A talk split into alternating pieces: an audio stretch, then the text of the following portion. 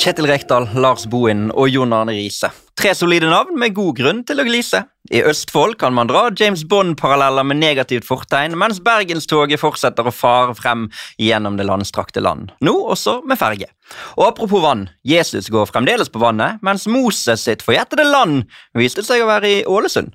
Vi tok feil i forrige uke. Europeiske giganter viser fryktinngytende form. Press er mer enn gegenpress, og Manchester United var ikke død. Det har vært Champions League-suksess for norske kvinner. Kan norske herrer følge opp? Alt dette og mye mer, velkommen til TV2s fotballpodkast. Yo, Amankwa! Å, for en intro. Med litt sånn lyrikk, med litt dikt. For en måte å starte Nei, vi starter jo ikke uken på, men for en måte å komme i gang med poden på. Nydelig. Takk for det, og takk for at du er gjerne med, Endre Olav Osnes. Jo, Hjertelig takk for at jeg får fornyet uh, tillit. Da. Det er jo deilig også med dikt da, på litt dialekt. Det setter jeg veldig uh, stor pris på. Det skulle bare mangle. Og vi setter uh, umåtelig stor pris på at du er med igjen, Mina Finstadberg. Etter en ukes pause fra podkasten så er du tilbake i varmen. Ja, det, jeg trengte ei uke i skammekroken etter forrige gang der, men nå har jeg, jeg nye, nye, muligheter, så jeg skal prøve å ikke skjemme meg ut. Det var absolutt ingen skammekrok, og heller ingen skammekrok i toppen av norsk fotball, ja, for Bodø-Glimt, det toget som bare tutet uh, av gårde, avga poeng, men Molde gjør fremdeles jobben. Ja, eh, forhold til Glimt så er jo disse her uh, historiens viktigste kamper i Champions League kvalik veldig Det er jo en stor utladning. Mm. De gjorde en veldig god prestasjon hjemme mot Zagreb og stiller med vel nøyaktig samme laget igjen eh, mot HamKam og, og, ser litt energifattig, ser litt utladet, ser ut som de har hodet allerede litt i Zagreb i kampen eh, som kommer nå til onsdag. Og det må jeg bare si at det er 100% forståelig. Ja, det er det, altså. Det... Da må jo Bodø-Glimt sin mentaltrener på jobb. Men det de hadde trengt da, etter den Zagreb-kampen, er jo egentlig sikkert mer en søvncoach. Å komme ja. ned igjen og, og, finne roen etter de har vært adrenalin, kortisol, altså stresshormoner og, og det der å komme ned igjen, få en, komme seg tilbake i vanlig rytme. For min del etter Jeg har aldri spilt så store kamper, men for min del så kunne det etter viktige kamper ta to-tre dager før jeg følte jeg var i, i, mm. i gjeng igjen. Glimt uh, spiller da 2-2 mot uh, HamKam. Betyr at det nå er syv poeng opp til Molde, som gjør jobben borte mot Haugesund. Formlaget Haugesund. Martin Linnes, matchvinner. Litt sånn undervurdert spiller, føler jeg kanskje, i norsk målestokk. For han har jo levert på høyt nivå lenge, Linnes. Ja, hvis du ser på CV-en hans og klubber han har vært i og Han uh, er utrolig pålitelig. Mm. Altså pålitelig, Vi snakket jo litt her om spillere som aldri leverer til ti på børst, men aldri er under en eh, sekser. Og Det er jo litt sånn Linnes. Han er ekstremt pålitelig. Og når han da legger på målpoeng, så mm. går det ikke an å be om mer. Så Molde de er bare sinnssykt solide. De, jeg syns de på mange måter har litt lavere, eller i hvert fall mindre spektakulært toppnivå enn Glimt, men de er kanskje jevnere. Mm. Uh, og så har de enkeltspillere som bare gjør det helt store ofte. Fofana med målgivende denne gang. Seks strake seire for uh, Molde. Mellom Molde og Glimt. Det er jo Lillestrøm, Mina. De um, fikk seg en seier igjen. Røk mot Jerv, men slo tilbake. Og nå er Thomas Lene Olsen tilbake også. og det endte jo med det til slutt, så får vi se. Nå er det vel bekreftet. Nå er det ikke sånn at det var en feil pressemelding eller et fanbrev som gikk ut, eller hva det var. Altså, det der, Jeg syns det er så, så, mye gøy med at Thomas Lene Olsen er tilbake i norsk fotball, både fordi jeg liker fyren. Eh, jeg syns han er en fin type og artig spiller.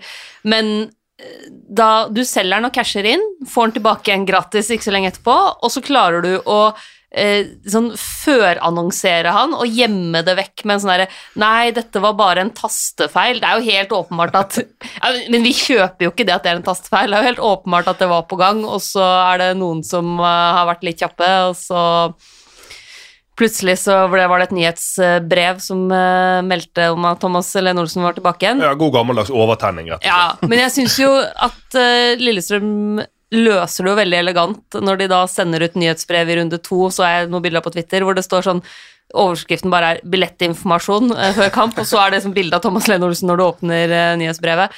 Så der, eh, der, leverte de, altså. Og så får de med seg en trygg 3-0-seier.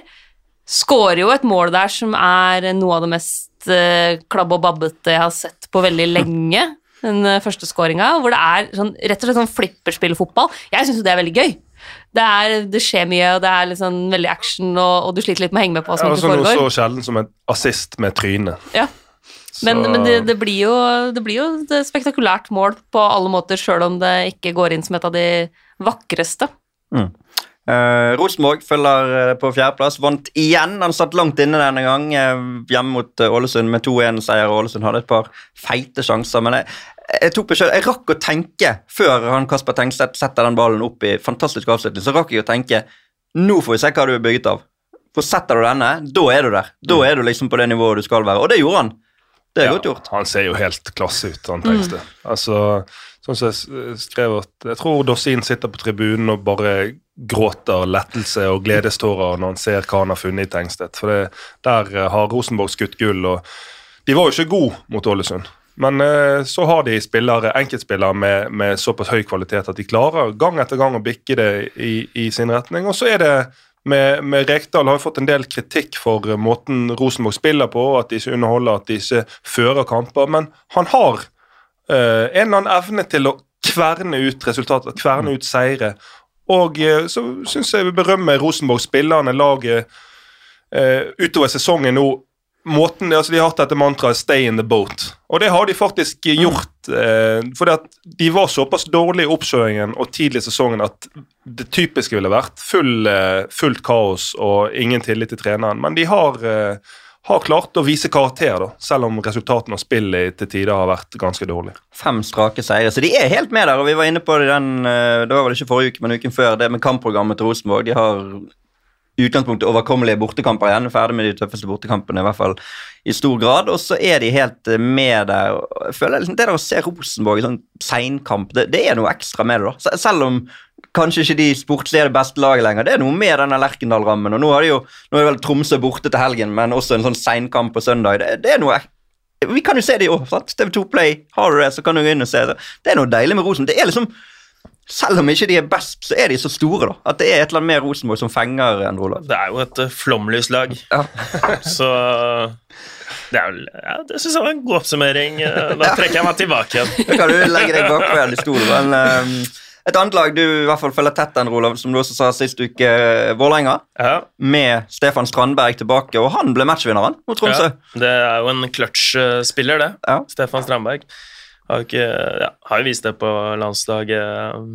Han har jo ikke spilt mye på klubblaget, men likevel så er han Det er et eller annet i hodet hans uh, som bare gjør at han plutselig går inn og tar nivået. Uansett hvor lenge det er siden han har spilt, og blir matchvinner. Så da er uh, eventuelle kritikere stilnet allerede på Valle Hovin og Vålerenga, og er et lag som jeg føler kommer sigende.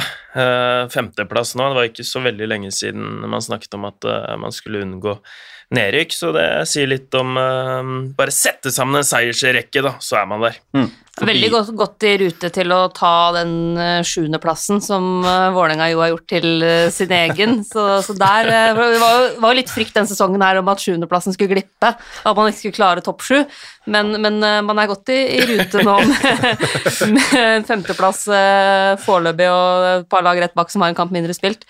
Men eh, det er jo den Vålerenga-Tromsø-kampen eh, Den ender jo opp med å få fokus Hvor fokuset i etterkant er på egentlig alt annet enn den fotballkampen som blir spilt, fordi Strandberg skårer i, i debuten eh, på Intility, men et mål som er offside, så det holder. Eh, og Bjørdal takles inn i Tromsø-treneren, får Lekkerol av det medisinske apparatet når han ligger nede med skade, og ikke minst da eh, mannen, myten, legenden Gjermund Østby, keepertrener i Vålerenga i eh, flere tiår, som må liksom eh, være dørvakt, var det vel dere kalte han i fotballrunden, Jau, for å liksom passe på eh, resten av apparatet på benken og hindre at de havner i Ja, han kaster jo fysisk treneren til Vålerenga som sånn filledukke veggimellom på benken der. Og det er ikke måte på. Én og to og tre ganger blir fysisk treneren og slengt ned på benken fordi han hisser seg litt opp. Så det var jo scener. Og som vi snakker om Vålerenga, så må jeg trekke fram det som har blitt en av mine yndlingsspillere i Eliteserien. Det er keeperen Sjøeng. Måten han har kommet inn på som en ung, helt uredd keeper. Han, han traff meg rett i hjertet allerede første intervjuet som ble gjort med han. Ja, hvordan kjennes det å bli kastet ut til ulvene her, og bla, bla, bla. Så bare, nei, jeg har nå sett nivået på de andre keeperne, og jeg tror jeg kan gjøre det bedre, så jeg er ikke skremt. Eller noe i den duren. Og så har han gått inn sinnssykt solid keeper, god på streken, og så blir han satt opp av og til litt skinkige situasjoner, eh, får ballen i beina litt vanskelig. Løser det med stor ro. sånn at vi snakket om eh, keepertreneren til Vålerenga. Han gjør tydeligvis en utrolig god jobb. For det er Sjøeng han ser ut som en, en, en fremtidig Og det er etter at man har solgt én spiller til Frankrike og én spiller til Premier League. Mm. Eh, Så det er jo tydelig at eh, det, det jobbes eh, godt med Så hvis de blir like gode å produsere utespillere som keepere i Vålerenga, så kan det bli helt stort fremover. Det kan det absolutt. Det laget som i øyeblikket ligger på Vålerengas uh, syvendeplass, som du omtalte det som, Mina, det er Strømsgodset. De sto jo kanskje for helgens største prestasjon, eller i hvert fall mest imponerende. 6-0-seier. Det er ikke hverdagslig annet enn tennis. Nei, men det, det nivået til godset hjemme på Marienlyst, der er de veldig, veldig gode. Mm. Der eh, spiller de Der har de et toppnivå som eh, Hadde de klart å holde det borte eh, så godt som hjemme, så hadde de vært med ja, opp mot medaljenivå. Men så er det jo så stor forskjell på godset hjemme borte, og det har vært i flere år. Men, men for eh, Drammenspublikummet så er det der å dra på kamp på Marienlyst blitt en sånn uh, gledesgreie, for der underholder de veldig ofte. 6-0 er alltid deilig. Også den ekstremt viktige kampen mellom Odd og Sarpsborg. To lag som virkelig var i ferd med å blande seg helt ned i bunnen. Og Sarpsborg står jo der med begge beina. Den vinner Odd 1-0. Eh, Odd fikk jo ikke Moses. Vi var inne på det forrige uke at det var Skien det så ut til, men det ble Ålesund. Han debuterte vel for Ålesund mot eh, Rosenborg. Kom innpå der. Eh, vi rakk å kalle Skien det forjettede land forrige uke, men det viste seg å være Ålesund, som var eh, der Moses skulle sette sine bein etter å ørkenvandret nedover fra det kalde nord i Tromsø. Eh, men Odd står Sarpsborg. Sarpsborg har nå 0-0-7. James Bond-referansen fra introen spilte på det. Og Molde borte i neste, så det kan bli Sarpsborg 008. Ja. Hvis uh, ikke vi får fingeren ut snart. Stemningen der er dårlig. De eh, Jeg tror ikke de har helt svar på hvorfor den rekken er blitt så lang og så grusom og så dårlig som det er blitt. La, la oss ikke glemme at Sarpsborg så veldig spennende ut tidlig i sesongen. Eh, Stefan Bilborn med den måten han ønsker å spille på. Ambisiøs spillestil. De hadde mye spilleglede og spilte noen veldig gode kamper.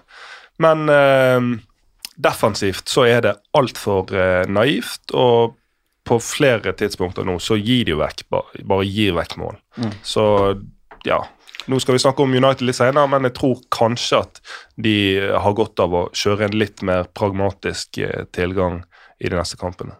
Så syns jeg, hvis du ser på eh, Sarpsborg i nedrykksstrid og Glimt én kamp unna Champions League nå, så, så for meg så oppsummerer det veldig godt noe av både magien og tidvis frustrasjonen med norsk fotball, og det er hvor enormt fort ting kan snu for klubber. Fordi det er altså fem år siden Sarpsborg spilte i Europaligaen. Rola, du var nede i Tyrkia, eh, var du ikke det? Nei, du jobba i Europaligaen, kommenterte Sarpsborg? Ja ja. Hvor de spilte bra mot liksom store klubber og inviterte til skikkelig fest på stadion og imponerte oss egentlig mer enn Rosenborg i Europaligaen den sesongen. Nå er det nedrykksstrid, kontra da Glimt fra Obos og én kamp unna Champions League. Det snur så vanvittig fort. Dette er ikke ment til skrekk og advarsel for Glimt-supporterne som nå er eh, i himmelen, men, men det sier noe om hvor lite som skal til. De var jo veldig gode på å hente spillere, selge dem videre med profitt. eh, Men hvor lenge kan man holde på med det? Det er sånn når jeg ser på Glimt nå, hvor lenge kan de gjøre det der? Men Eh, jeg- Å bytte ut et eh, helt lag nesten fra sesong til sesong og fortsette med resultater. Jeg For det vil eh, bli vanskelig over tid. da. litt uenig der, for det at ja, Sarpsborg var enormt gode i Europaligaen, men de var jo ikke i nærheten av å prestere det er over tid i hjemlig serie, som det Glimt har gjort nå med, med flere seriegull på rad. og det der, De hadde en enda mye mer eh, sånn hente og ja, foredle og så selge videre basert strategi enn det jeg opplever at Glimt har. For det at eh, Glimt de er der er det, det deres evne til å utvikle spillere i sitt system. Vi ser jo når spillere drar fra Glimt og kommer til nye klubber, at de er jo ikke i nærheten av det de var i Glimt utenfor det maskineriet, utenfor det systemet til Glimt. Sånn at eh, Jeg ser parallellen, men jeg syns samtidig at det er store forskjeller på Glimt nå og Sarpsborg den gang, sånn at, at det skal være et like dramatisk fall for Glimt i fremtiden. Det så lenge Kjetil Knutsen er der. altså. Så lenge Kjetil Knutsen er der. Det er vanskelig å se, men si mis, mister de han, og han tar med seg et par mann fra trenerteamet, så er jeg med på at så kan plutselig om to, tre, fire år ting se helt annerledes ut, og de kan sitte og snakke om hvordan kunne det gå så galt. Kanskje det er Sarpsborg som er på vei inn i Champions League i 2026. det er umulig å vite. De ligger i hvert fall nå på kvalikplass med 19 poeng. Odd etter den seieren er helt oppe på åttendeplass med 23 poeng, så det er jo ekstremt uh, jevnt nedi her da, i det som er en kamp om å unngå eh, nedrykk til Obos-ligaen. Som vi skal over til nå, der Brann igjen imponerer. Vi sa vel forrige uke at det kanskje var den vanskeligste bortekampen. Og så reiser de til Sogndal og vinner 4-0. De har på en måte bare tatt uh, Obos-ligaen litt sånn som Biggen sa, da. Ja, det er jo det de synger på Biggen hadde rett. Obos blir for lett for Brann. Um, og sinnssykt imponerende av Hornland, av uh, han uh, Jimmy Nagel, sportssjefen. Han har truffet på flere sider nå, og selvfølgelig stor kreditt til spilleren å reise seg etter en grusom sesong i fjor. Men så er mitt spørsmål nå Nå har de vært så overlegne i Obos, de er allerede rykket opp. Så er spørsmålet hvordan skal de klare å omsette den overlegenheten i Obos til en, en god eliteseriesesong. For det at litt av utfordringen og spørsmålstegnene er at de har mange spillere i, uh, i troppen, i laget nå, som har vist eh, ja, svake eller store svakheter i Eliteserien. Sånn at eh, F.eks. en spiller som jeg syns har vært en av Brann sine aller beste i år, Ruben Kristiansen. Mm. At han skal komme til Eliteserien neste år og plutselig være en sånn Canavaro reborn, det må jeg se før jeg tror det. Uh, og uh, Vi snakker om Castro som har briljert i en del kamper. Uh, han har jo tidligere briljert for Ålesund i Obos, men så falt helt gjennom på eliteserienivå. Så jeg, jeg, er litt spent på å se ja, hvilket uttrykk de kommer med i Eliteserien til neste år. De har 18 poeng ned til Ranheim, som er nummer to, og møter Ranheim i neste kamp. Det er vel på mandag. Går de ubeseira gjennom? Ja, Vi hadde jo det spørsmålet forrige uke, og vi, de kan jo gjøre det. De har et par tøffe kamper. Det er fort gjort at det kommer et tap når de, når de er teoretisk klare, men de kan, de kan, klare det, absolutt. Men når de herjer så mye i Obos, uh, altså det er godt uansett nivå. Ja, da. Uansett om man spiller i fjerdedivisjon, så er det vanskelig å høsten er jo nachspielsesong i Bergen. Så det er kanskje det som får de ut av Eneste nedturen var vel at de ikke fikk ta den fergen med fansen. Jeg vet ikke, Har du vært med på ferge med fansen ja, fra Sogndal? Eskalerer det, sånn, det, eller? Ja, det eskalerer. Der er det, der er det fullt kok. Og, og jeg tror de Brann-supporterne har lagt inn i kalenderen med en gang det der er fergetur. Mm. Så er de ekstra påskrudd. Så det er noe for seg sjøl. Men laget tok en ferge før fansen denne gang, så de fikk ikke denne der opplevelsen av å bli hyllet på på vei hjem fra seier i, i Sogndal. Eh, Ranheim hjemme ja, mandag klokken seks på TV2 Play. Og eh, fikk jo et par trenerendringer i Obos-ligaen forrige uke. Lars Bohin kom inn i, i Stabæk. Eirik Kjønes dager der var omme og fikk jo en enorm start. da. Med, det var faktisk ikke meningen engang, men 5-0 mot Start på Nadderud. Det var ikke, det var ikke meningen. Eh, det var jo sterk start. Sterk start. Veldig, veldig. Og det som er litt påfallende, er jo at eh, Stabæk har jo slitt hjemme vi mener at eh, gressbanen har vært for tørr og det har vært vanskelig å få til den fotballen de ønsker å spille, og at de er et kunstgresslag, som jo er forståelig, for de trener jo hver dag på kunstgress. Men eh, Lars Bohin inn der. Jeg har hatt han før i Sandefjord. Veldig dyktig trener. Inn. Sikkert implementert et par tydelige knagger til den kampen, som det så ut som funket til det fulle. og Det er jo en sånn pangstart som gir uh, spillerne tro på at opprykk fortsatt er mulig. Greit, KFUM vant, men Ranheim tapte jo mot Bryne hjemme. Sånn at uh, mulighetene for Stabæk ligger jo nå veldig åpne. Mm, Tapte poenget, ble vel uavgjort. Ble ja, ble det, ja. Uh, Lars Bohin, det, kan bare ta det. jeg jobbet i Golden Goal for det er vel tolv år siden nå. Da hadde vi sånn um, motbakkefotball. De spilte fotball i en sånn skråbakke oppe nedenfor Sinsenkrysset der.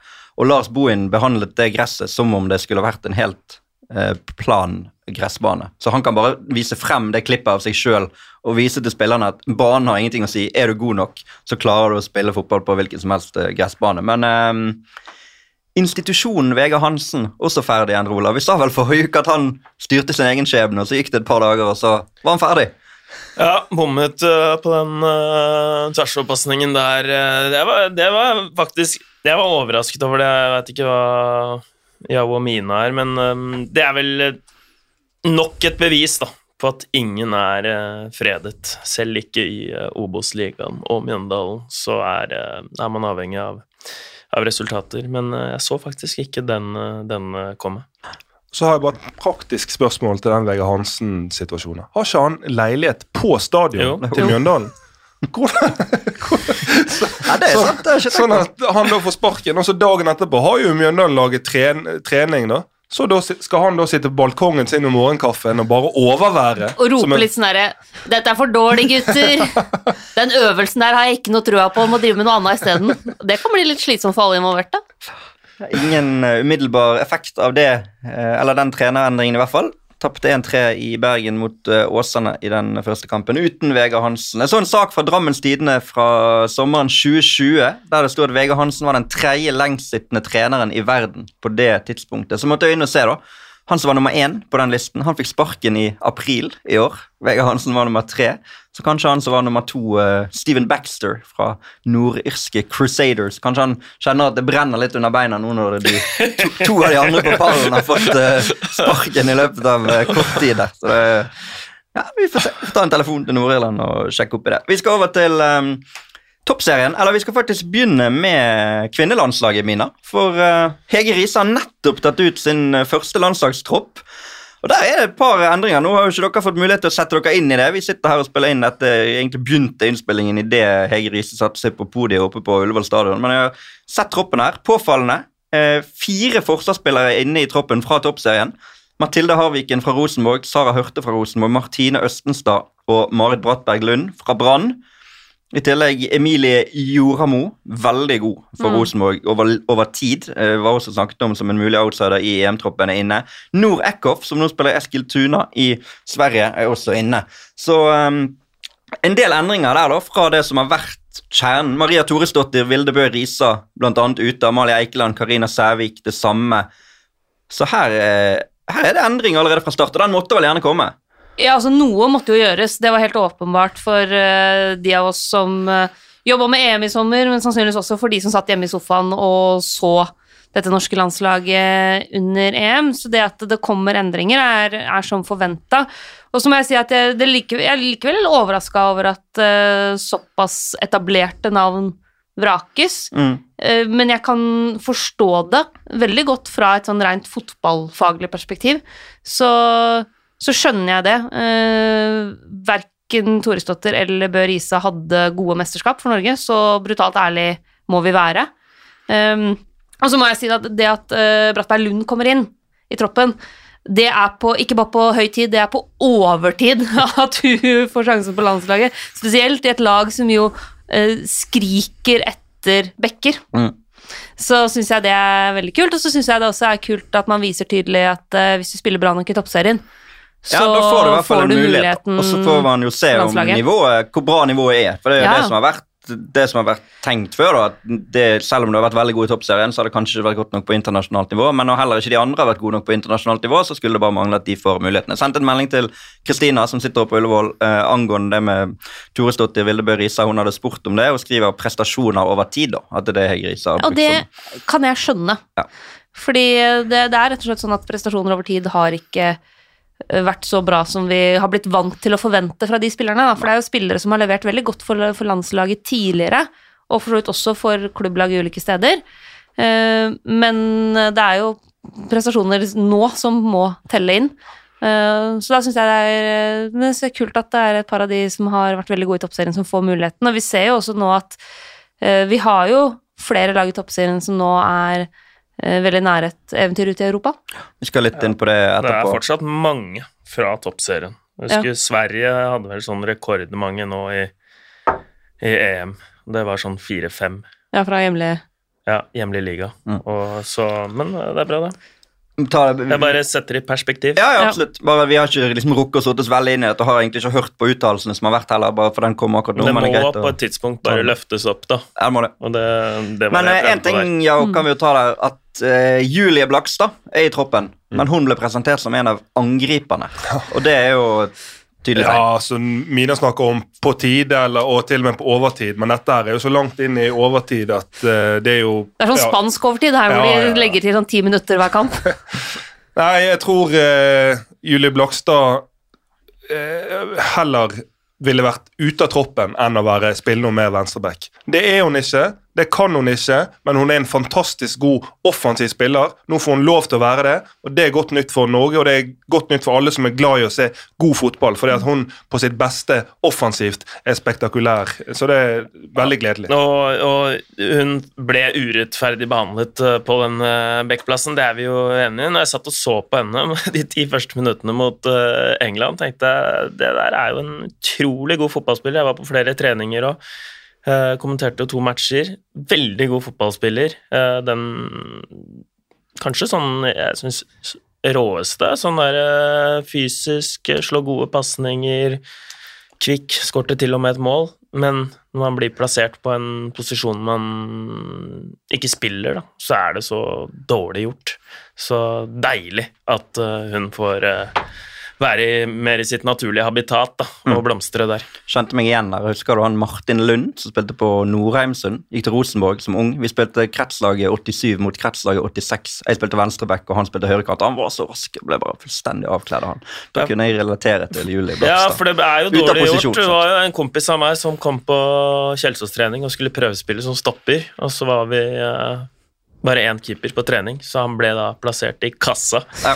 Han klar, klarte ikke å overbevise, da. Ja, dårlig, dårlig forutsetning for prøvespill. Ja, det er. Men tungt det er å komme på prøvespill og bli satt i kassa. Det er ikke langt ifra det eksempelet der og Julie Blakstad. For det, det å være en offensiv spiller og skulle spille i en back-firer med en midtbanefirer foran deg, altså i en 4-4-2, som er det systemet der eh, backfireren kanskje blir mest eksponert, og så da skulle spille venstreback mot Beth Mead eh, i et mesterskap, det Ja, bare la oss For hennes del håper jeg at hun allerede har glemt den kampen der for godt, og nå er det bare å se fremover. Og Det gjelder for Norge også. Det er avgjørende VM-kvalifiseringskamper som skal spilles her. Belgia borte og så Albania hjemme. Norge vant jo 4-0 hjemme mot Belgia, så i, i den grad de unngår å tape 4-0 nå, så har de fremdeles kontroll på den VM-plassen, og det bør gå. Ellers er det en grusom start for Egeri, så hvis de skulle ryke 0-5 i Belgia neste uke. Og det er klart Belgia var kvartfinalister i EM, det var ikke vi. eh, Men eh, likevel så, så bør det være en, en kamp man klarer å håndtere bra. Og eh, Hege Riise er jo helt avhengig av å få en god start. Liksom fordi altså, det norske landslaget trenger de, de må klare å nullstille seg etter et forferdelig mesterskap, og så får vi håpe at de har brukt tida godt på å evaluere det skikkelig og vært brutalt ærlige med hverandre på hva som funka og hva som ikke funka. At man ikke bare tenker at alt var Sjøeng sin feil, nå er han borte, så da fikser alt seg automatisk, men faktisk også evner å, å gå i seg sjøl på å si sånn Hva var det som Hvordan gikk det så gærent? Og så må man klare å nullstille seg og faktisk da begynne dette nye prosjektet eh, under Hege Riise. Eh, Blanke ark og alt det der.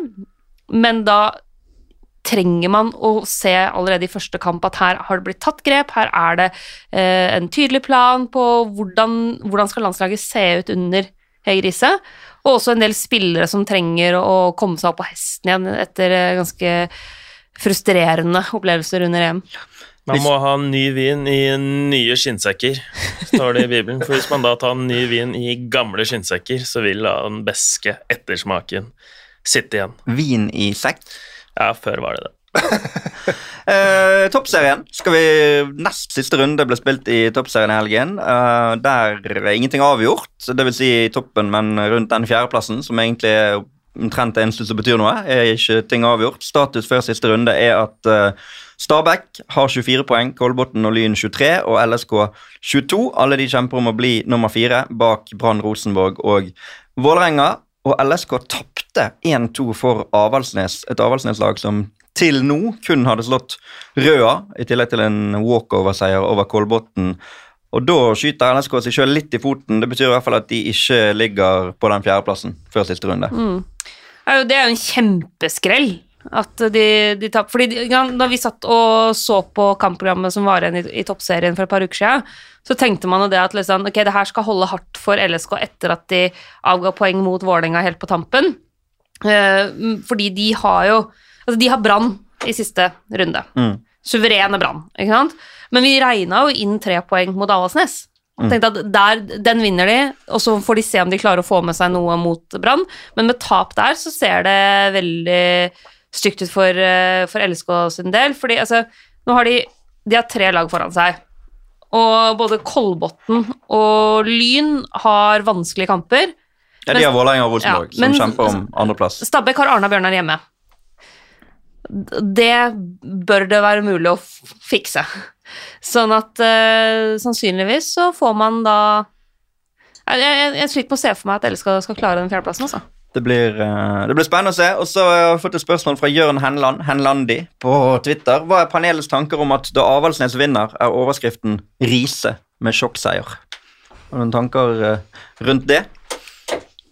Jon Arne Riise er jo eh, trener i Avaldsnes, og skrives jo Hva mye om han. Nei, altså, hva vi tenker om at overskriften blir 'Riise med sjokkseier'? Ja, ja, ja. Nei, jeg en, syns jo eh, det er litt morsomt med Riise, for nå har det i en periode gått dårlig. Da er det medienekt. Og så får de en seier nå, og så er han inne og lister seg litt fram igjen. Så, men vi, vi unner jo han denne seieren, men for spillerne sin del Altså Dette er jo spillere på øverste nivå, så at det skal være fokus på treneren hver gang, syns jo jeg ville vært litt kjedelig som eh, spiller på Avaldsnes. Men det er jo på en måte fokus når uh, taper 10-0 og sånt òg. Ja, det, Så ja. jeg syns den oppreisningen der er uh, Og det, og det må jeg si at det er jo selvfølgelig Så burde man heller fokusere på spillerne og liksom eh, eh, en av eh, Ja, det, er mye u, det er mye unge spillere i Avaldsnes-laget eh, som har hatt en tidvis ganske tøff sesong med en del uh, vanskelige opplevelser ute på banen, hvor de har uh, ja, møtt lag som ofte har vært mye, mye bedre enn dem, men også mye mer erfarne enn dem. Så at man skulle jo da tenke at, at det hadde vært eh, bra om de fikk det fokuset etter den kampen. Eh, frisparkmål og alt mulig. Men samtidig så syns jeg jo at Riise tross alt Han har eh, gått foran for spillerne sine i de tunge periodene òg, da. Eh, når, han, når det ikke har vært eh, stille til media, så syns jeg jo Riise egentlig har vært ganske god på å ikke kaste spillere under bussen og hele tida snakka opp laget sitt og sagt at liksom Ja, det ble tap igjen i dag, men jeg er stolt av spillerne mine, og det er unge spillere som viser at de har mye vilje, og så er, må vi ta med oss det her og lære videre.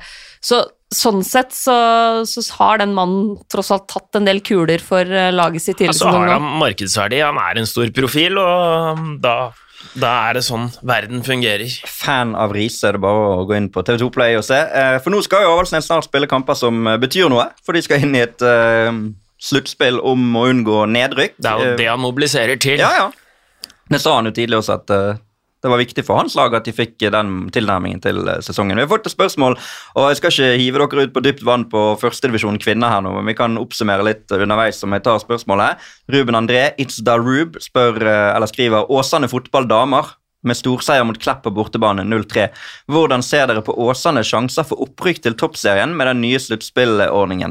Eh, vi trenger ikke vurdere sportslig akkurat det, eh, men Åsane leder førstedivisjon foran Øvrevoll Hosle på målforskjell. Så har du også TIL 2020, altså Tromsø, som er tre poeng bak og har én kamp til gode. Så det er jo faktisk ikke avgjort om Åsane skal inn i dette sluttspillet, for det er kun to av de tre som skal møte da eh, nedrykkssluttspillsmotstandere i lag fem til ti i toppserien. De åtte lagene skal da kjempe om eh, plass i neste års toppserie. Nummer syv og åtte der rykker direkte ned. Nummer seks spiller kvalik mot vinneren av sluttspillet i Hva er status på Grei? Grei de er ikke en del av eh, den toppfotballen lenger. Nei. I den grad som de var. De gikk jo liksom opp og ned et par år der. Men greien er i hvert fall at hvis Åsane rykker opp, så får de da med seg et lag til, enten Øvrevoll Hosse eller TIL 2020. Og for å da skulle spille toppserie neste år, så må de holde to lag bak seg i hvert fall og vinne en kvalik, eventuelt holde tre lag bak seg. Røa har vist seg å kanskje være omtrent på nivå med Åsane. Vanskelig å vurdere selvfølgelig hvor god er man egentlig i første divisjon. Men for å svare Ruben André, så mener jeg at sjansene for opprykk er kanskje 50-50. Uavhengig av om de kommer inn i det sluttspillet nå, eller om de får en ekstra playoff-kamp. Men eh, de får jo en pekepinn på toppserien nå, egentlig, da. Fordi at de allerede nå, hvis de kommer i det nedrykkssluttspillet, skal møte da Kolbotn, Lyn, enten Lillestrøm eller, eller tre, tre av de lagene, da. Kolbotn, Lyn, Lillestrøm eller Stabæk i en slags toppserievariant eh, allerede nå. Hæ? Toppserie light. Ja, altså Det er jo toppserien, det er bare ikke de aller beste lagene i toppserien. Og det er jo på en måte de lagene Åsane skal realistisk sett eh, måle seg mot. da. Og Åsane bygger klubb i Bergen, har fått nye, flotte anlegg. eh, Begynner å bli en skikkelig bra organisasjon. Så fått enda et bergenslag opp i toppen der hadde vært eh, deilig. Det er også kvartfinaler i cupen i midtuken på kvinnene. Kolbotn Lyn, Brann LSK kvinner, Stabæk Avaldsnes og Rosenborg Vålerenga. Og så har det vært Champions League-kvalik, som vi sa. Eh, Der gjorde Brann jobben eh, mot ALG Spor fra Tyrkia. Vant 1-0 og vant også 3-1 i finalen mot Spartak Subotica. Selv om de begynte å bli slitne på slutten, her, men motstanderen hadde ikke spilt den kampen før. for de vant på walkover. Rosenborg gjorde også jobben, vant 4-2 mot Breidablikk og 1-0 mot FC Minsk. Emilie Nautnes i fyr og flamme, både matchvinner i siste kamp og involvert i tre skåringer i den første. Og der handler det da om hvem kan man trekke. For det er jo det som avgjør om det blir Champions League-fotball på de norske lagene. Og Brann har i hvert fall en realistisk mulighet. Det har jo selvfølgelig Rosenborg i en enkel Ja fotballkamp eller et dobbeltoppgjør, så kan det gå bra. Brann er usidet i Champions-ruten. Møter enten Slavia Praha, Rosengård, Juventus, St. Pölten fra Østerrike, Zürich fra Sveits, Vlasnia fra Albania eller Benfica. Skal ikke spørre om du kan alt om disse Nei, lagene, men, men trekninga altså Der er det jo enormt sprik i hva du kan møte basert på den trekninga. Altså, eh, Juventus eh, klarte seg bra mot Lyon i sluttspillet i Champions League forrige sesong. Chelsea. Liksom. Eh, Ja, slo ut Chelsea på veien og vant vel første kampen mot Lyon 2-1, tror jeg det ble. Mm. Sånn at da har du en kvartfinalist fra forrige års sesong, og så har du ganske mange andre lag som har veldig lite å vise til eh, på sånn europeisk nivå. Sånn at der hvis man, får en god trekning, altså, hvis man får en god trekning der, så tenker jeg at Brann har veldig gode muligheter. De var jo underdogs nå i sånn Uefa-rankingsmessig, Mm. men vant ganske kontrollert egentlig mot det laget fra Serbia. For Rosenborg er det jo verre. De er som toer i toppserien, ikke en del av Champions Route, så de møter også andre lag fra andre nasjoner som ikke har vunnet ligaen. De kan møte enten Paris Saint-Germain, Bayern München, Arsenal, Real Madrid eller Sparta Praha. Og det Det er tøft. det er tøft. Så Fra utsiden er det tenkt, lett å tenke ok, 20% sjanse for Sparta Praha. Det må de håpe på. Ja. eh, Alternativt Eller ja, de må håpe på det, for de må selvfølgelig håpe på best mulig, best mulig sjanse til å komme seg til Champions League. Samtidig, det å få testa seg da, mot en av de store klubbene ute i Europa, som uh, har spillere vi så herje i EM, som har uh, meritter og tradisjoner i Champions League Det er jo noe litt forlokkende ved det òg, tenker jeg. da. Å teste ok, hvor, hvor, hvordan står vi opp mot det på det nivået her, da. Eh, Kan du få en av de Kan du få Arsenal, da, så vil jo det også være med tanke på det å bygge interesse og blest rundt kampen. Så det er, det er noe kult i å ha muligheten til å møte Ja, et av de, en av de selvfølgelig, store kanonene nå. Eller trekke PSG og få Diani Ja, til, eh, til stadion der, og, og du snakker om å bryne seg mot, mot de beste, så er det jo De referansene der eh, er jo gull verdt, uansett om de mest sannsynlig da vil få store, store, uoverkommelige problemer. Det blir ikke Manchester City. De røk i kvalik mot Real Madrid. Det var jo trekningen fra E HELVTE for de. For andre år på rad ryker eh, City mot Real Madrid.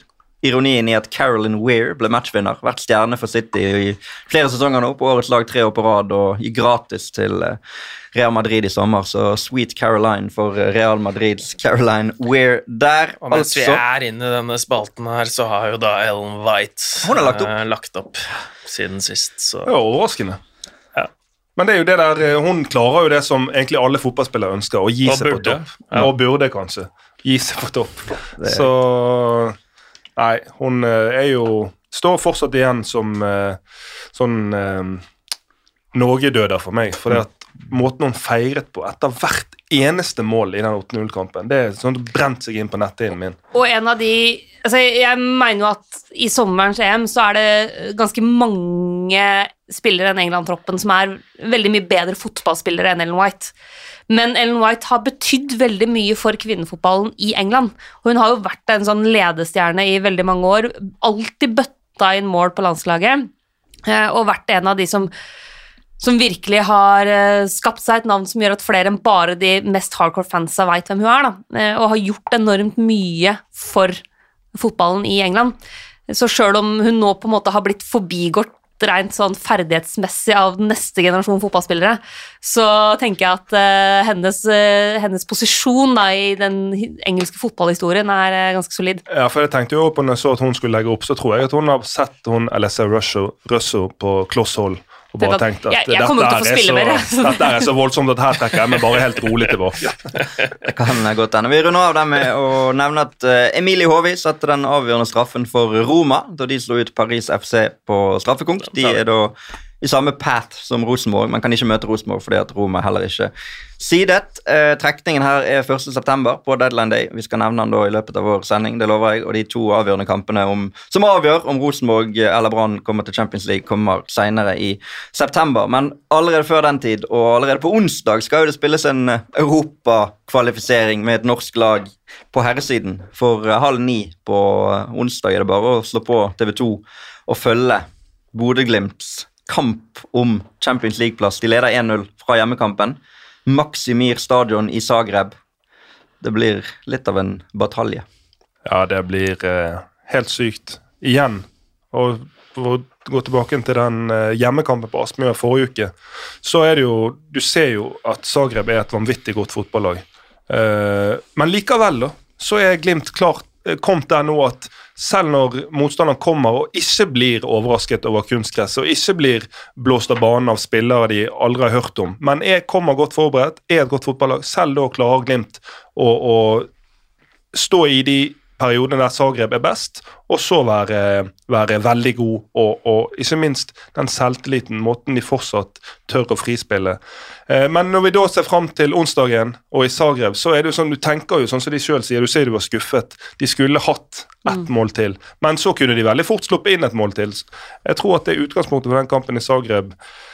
Eh, jeg tror fortsatt er de litt underdogs. Jeg har ikke sett, sett på siste oddsene nå, men uh, det er en oppgave der borte som uh, Ja, både hva du får fra tribunene, og selvfølgelig ute på banen. Men en kontring, nå. Mm. Etter, uh, etter 20 minutter. Zagreb skal opp i strupen på dem. Klarer de å stå av den første bølgen? En klarering som havner hos verdens beste bergenser, Mvuka, og så går kjøret derfra. Mm. Vi må jo håpe. Endre Olav, du sa forrige uke uh, før hjemmekampen håper de har lært. eh, sa du her i podkasten nå. Uh, føler du de hadde lært, eller er det for tidlig å konkludere? Det er for tidlig å konkludere.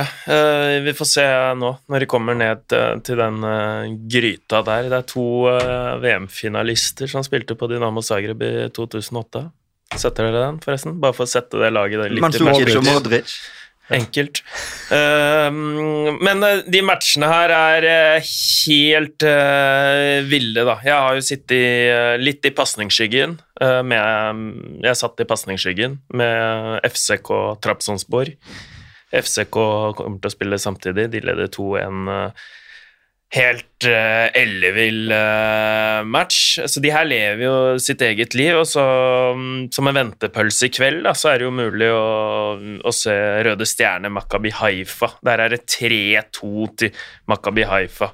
Fordi, altså, så det er, det er, så kaos, da. Uh, og jeg digger å kommentere de matchene, fordi det er så mye som står på spill, så, og det er detaljer som avgjør. Så jeg tror de de kommer i hvert fall til å lære. De har forhåpentligvis lært av den uh, Olympiastadion eh, når de møtte Roma der. Eh, så får vi se hvor mye de har, har lært. Dette blir jo lakmustesten på hvor mye de har lært. Men de kampene her er kaos, mm. og det er derfor det, er, det, er, det, er, så mye penger på spill, det er så mye sportslig gevinst på spill, det er så mye i potten for fansen. Så det er så store kamper, da. Mm. Og da er det vanskelig å ha en sånn altfor kalkulert eh, og rolig togtur eh, der. Du sa hvem som skulle dømme? Nei, det har jeg ikke sett. Laos? Ah, det, da blir det kaos. Ja, det er jo den største profilen av de alle. Ja. Sånn dommerprofilen. Ja. Han er jo en løs Legend, kanon. Legende og løs kanon i La Liga? Løs kanon på dekk, så han uh, kommer jo ikke til å gi ved dørene. En han, av de dommerne som er mest glad i å gjøre seg selv til kampens sentrum. Det må vi kunne si. Men det som er, er at alle supportere de sitter og ser på, nå er veldig frustrerte og hva slags type er det her, men spillerne liker han visstnok. Mm. For han, han holder dialog dialogen med spillerne hele tida. Bare følg med på det. Han prater og kommuniserer. Uh, så blir det moro. Følg med på det. Uh, fotballmeninger. Har sendt oss et spørsmål på Twitter. Tror dere Glimt kan ha noe å stille opp med i Europa hvis de går videre, eller må de forsterke i løpet av de siste dagene? De går uansett inn i enten Champions League eller Europaliga, og det kommer et deadline day to deadline days neste uke. Onsdag og torsdag. Vi skal ha sending. Du skal være med begge dager, Yo. Ja, jeg, synes jeg liker det spørsmålet veldig godt. for at, eh, ja, Vi snakker om Champions League, og vi drømmer om Champions League på, på vegne av Glimt. Men om de ikke klarer oppgaven, så skal de likevel inn i Europaligaen. Eh, og så er jo det at vinduet fortsatt er åpent. Og de får eh, Er det 100 mill. Eh, for Europaligaen? Så de er garantert store beløper uansett. Og da med vinduet åpent, vi så at de hentet Grønbekk for rekordsum. Og så er det så må de forsterke. Definitivt, mener jeg. Eh, og, og, de kan fort eh, måtte forsterke på flere plasser. For å, skal de virkelig kunne slå, for, slå fra seg, så f.eks. om vi ser på spissplassen, så mener jeg at spesielt om de skulle inn i Champions League, at eh, de bør vurdere å slå på stortrommen og hente en kanon på spissplass. For det at eh, både Salvesen og Espejord ja, gjort en, eh, Salvesen etter han kom inn, gjort en OK pluss-jobb, men eh, på det nivået, så når de har midlene, så kunne jeg eh, likt å se en, en, kanon inn der. Sånn at, men det, den situasjonen med at de er allerede garantert et gruppespill i Europaligaen, potensielt Champions League, samtidig som vinduet er åpent, det gjør at deadline day og uken fram mot deadline day blir utrolig spennende eh, i forhold til Glimt. Absolutt. Uh, to andre lag også selvfølgelig i aksjon. Molde ligger under 0-1 mot Wolfsberg. Må snu det i Østerrike, mens Viking leder 2-1 etter første kamp i Romania mot Steaua Bucuresti. Kan begge komme inn i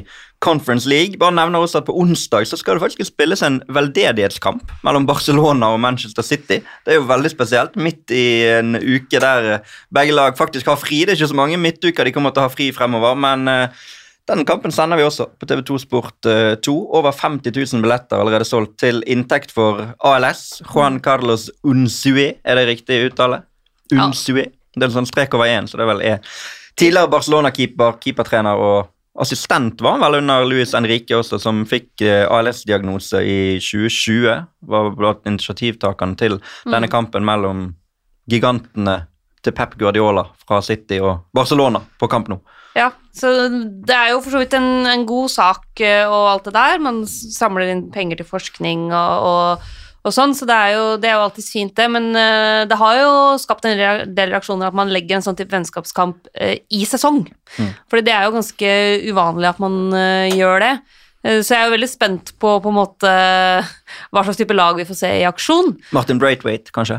Ja, for eksempel. Uh, men uh, det er jo klart at det er jo Han skal være igjen, da. Dette skjer jo Ja, han, han Men det, nå er det snakk om at han kanskje skal til en av de andre legeklubbene, Vi får se. Men dette skjer jo også pga. de bånda Guardiola har til, til, Barcelona. Det er jo derfor det er uh, City som kommer. Jeg, jeg tviler jo på at du hadde fått noen av de andre klubbene i England med på en sånn type deal. Det er jo fordi det er Pep Guardiola. så blir det selvfølgelig interessant med Pep mot Xavi, da. det er jo virkelig mester og læregutt som uh, møtes for første gang i de rollene. Så ja.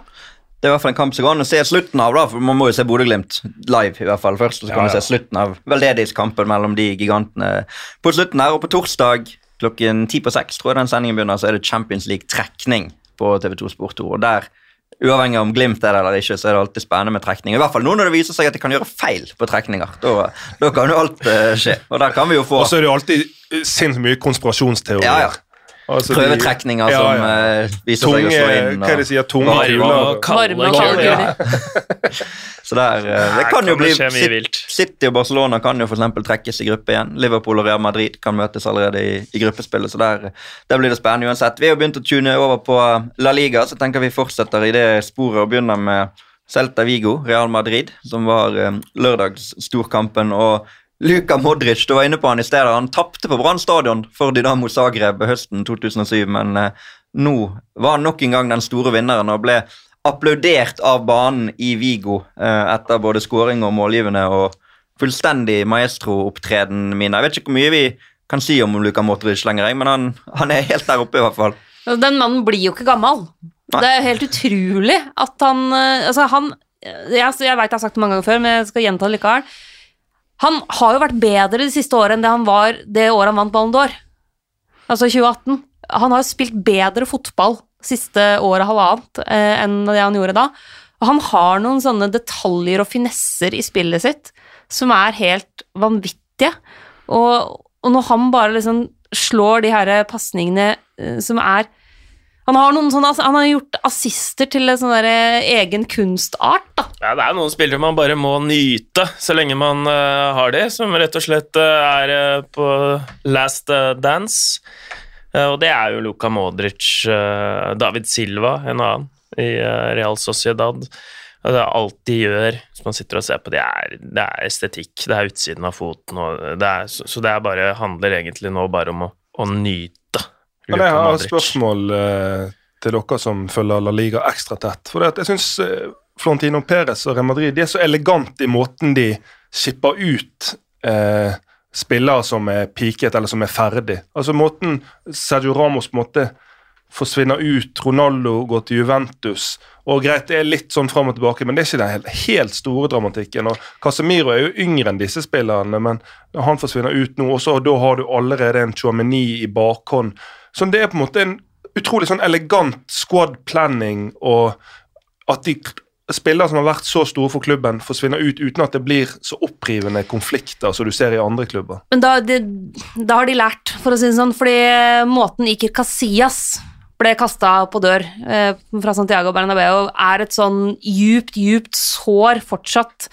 For han sitter aleine og griner når han skal ta avskjed med fansen. Og det var skikkelig vondt å se på. Mm. Så jeg, jeg, tror man har lært litt av det. Altså Marcelo nå i, i, ja, i vår minst, eh, også, ikke sant? som jo har vært og, en av de fineste spillerne. Og Sergio Ramos tenkte man vel burde fått en toårskontrakt. I etterpåklokskapens lys så var det jo lurt å ikke gjøre det, men se, nå eh, kvitter de seg, holdt jeg på å si. De chipper ut eh, Casemiro. Eh, så Sergio Ramos de er bra på timing, da. Ja, timing, for det er jo Når du ser på hvor mye skadet Varan har vært Han er jo igjen enda ja. mye yngre, men når du ser på skadehistorikken hans etter han dro til United, så er det jo sånn at for andre klubber sine vegne, så er jeg nesten uh, tenkt at eh, Perez og Real Madrid, om det er det fysiske apparatet som har så godt overblikk på disse spillerne, men at du nesten begynner å bli tilbakeholden på å hente spillere som har vært gode i Madrid, for det må jo være en grunn til at Real slipper det jeg tenker Det er et par ting som er viktig å nevne. For det første så er det, må trekke inn Bale i de litt mer dramatiske avskjedene. Med, altså man glemmer jo hvor viktig Gareth Bale faktisk har vært for bl.a. den Champions League-rekka til Real Madrid. fordi der var det jo bare full clinch. Mm. Uh, på slutten, også med, med, spansk presse for øvrig. Han ble jo gjort til liksom hovedskurken, så, så Bale-sagaen er veldig annerledes enn en Casemiro. Um, og så skal det også sies at um, jeg har hørt uh, litt fra Eller hørt fra folk som har uh, god peiling i Spania, på at uh, Casemiro Det er jo hans valg at han velger å gå.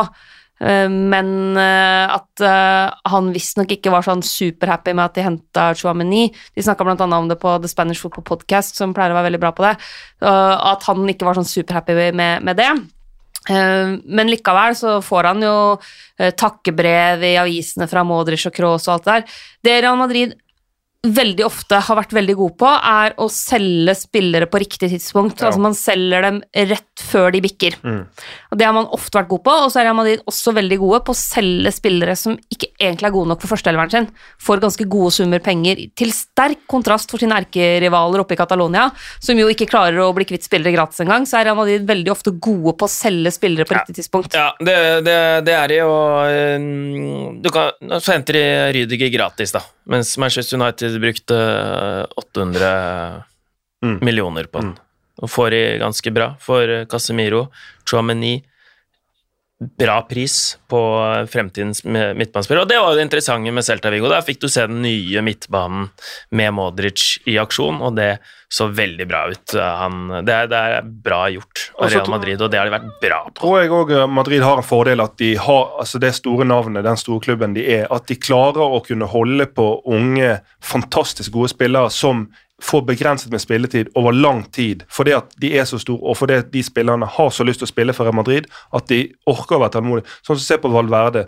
er jo en spiller som de aller aller fleste andre klubber ville siklet etter å ha. Han har vært tålmodig, og så kommer mulighetene mer og mer og mer etter hvert. Og så har jo de satt seg i en posisjon nå hvor de, de har jo egentlig alle tre erstatterne til den her eh, super-midtbanetrioen som har spilt sammen i årevis i klubben allerede.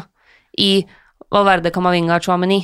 Og så hadde jeg trodd at eh, Jeg hadde jo ikke trodd at Casemiro var den som skulle ut først av den uh, trioen med gamlegutta her. Han, han er jo den yngste av dem, så det er jo han som sannsynligvis har flest år igjen uh, på topp, da. Men uh, når det nå en gang ble sånn, så har de Vi må ikke glemme at de brukte 80 millioner euro på Chouameni.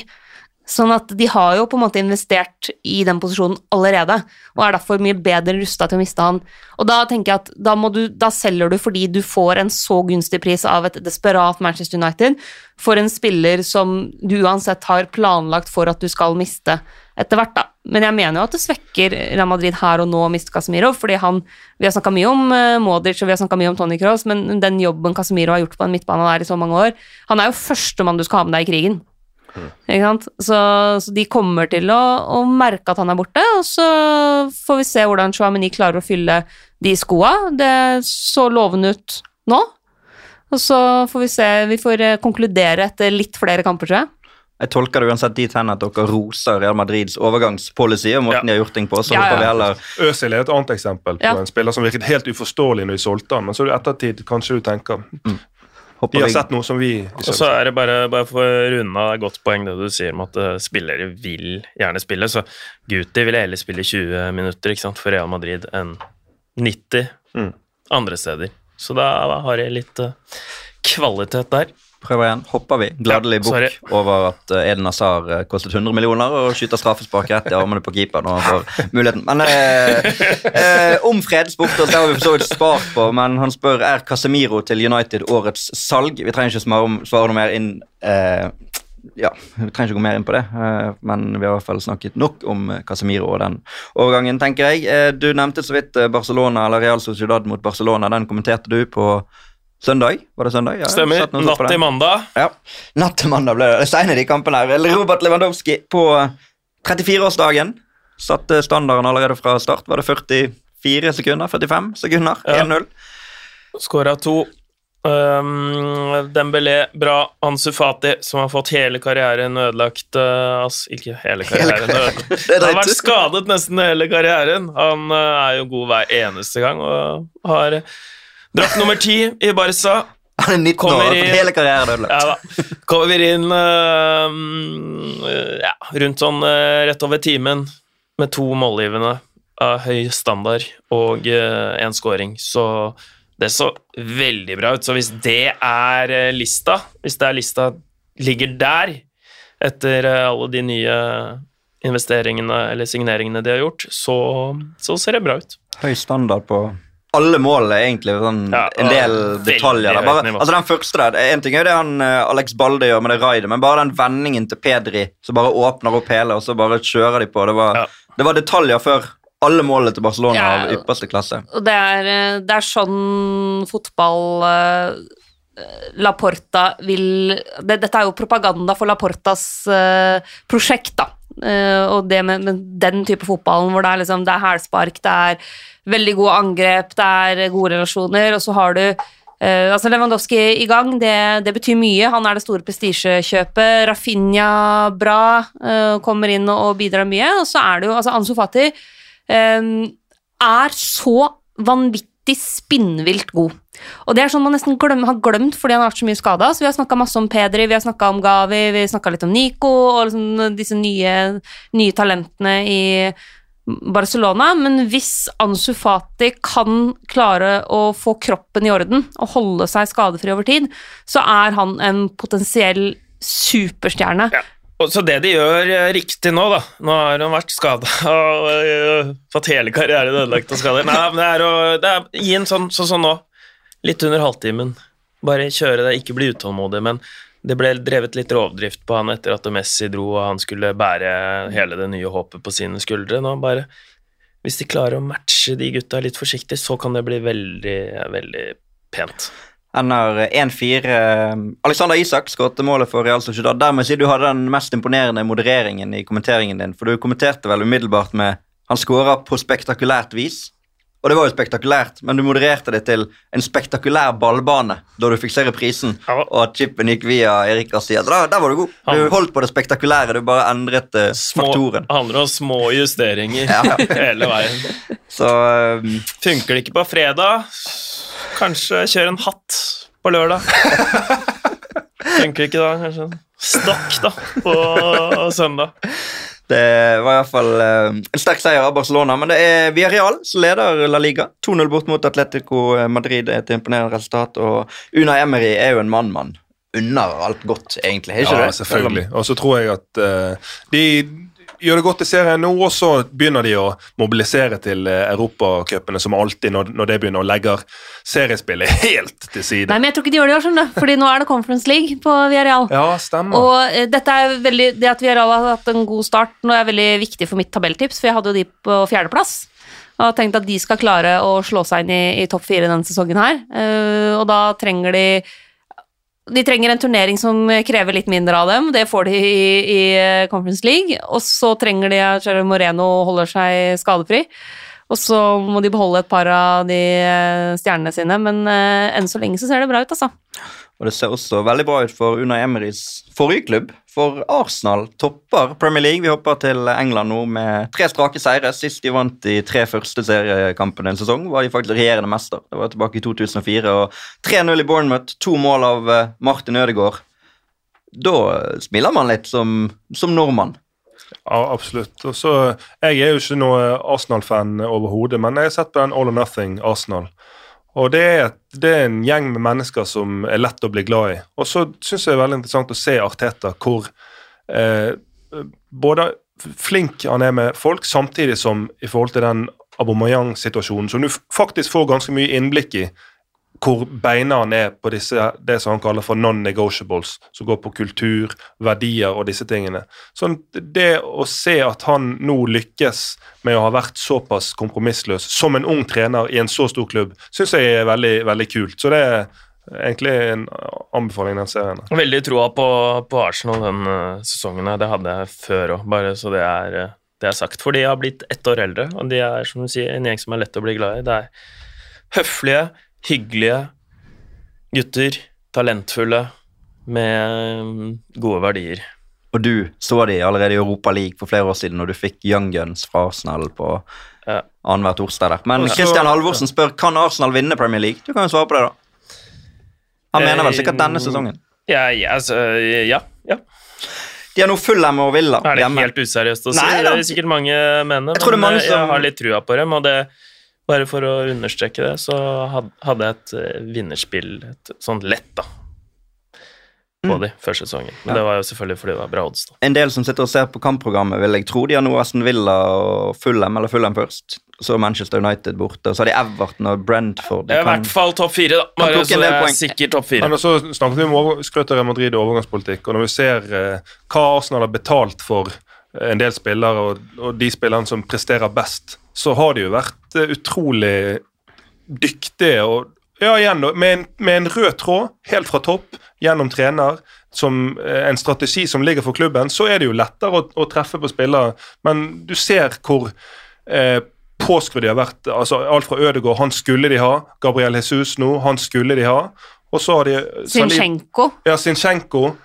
Spillere som Ja, Sinchenko har sett bra ut, for, spesielt for landslaget, men også i City. Gabriel Jesus Tenk Gabriel Jesus nå ser vi hva han virkelig er god for. Eh, intervjuer med disse City-spillerne når Haaland kommer, så driver, driver de og snakker om ja, vi spilte jo i fjor uten spiss. Mm. Ja vel. Eh, sånn at, og det der å spille spiss eh, i City er jo en helt annen oppgave, men jeg syns eh, Arsenal er et eksempel på, både i forhold til overgangsmarkedet, men også i forhold til sånn klubbstrategi, at de ser over tid. Tid har de vært tro mot Arteta, tro mot de prinsippene, og nå ser det ut som de får godt betalt og treffer på spillere som ikke blir sånn usaklig dyre. Så er det selvfølgelig veldig tidlig å konkludere med noe som helst, men de har i hvert fall kommet uh, sterkt ut. Ni poeng mer enn de hadde etter tre kamper i fjor, f.eks. Uh, av andre ting i Premier League Tottenham vinner igjen. Harry Kane, matchvinner. eh, med Ronaldo på tribunen. Lovet vel at Ronaldo kunne man se når Vajad... Nei, ja, når Ja, de Valladolid, ja. Valladolid skulle spille kampen. Han var i London på tribunen på Tottenham Hotspur Stadium med en eh,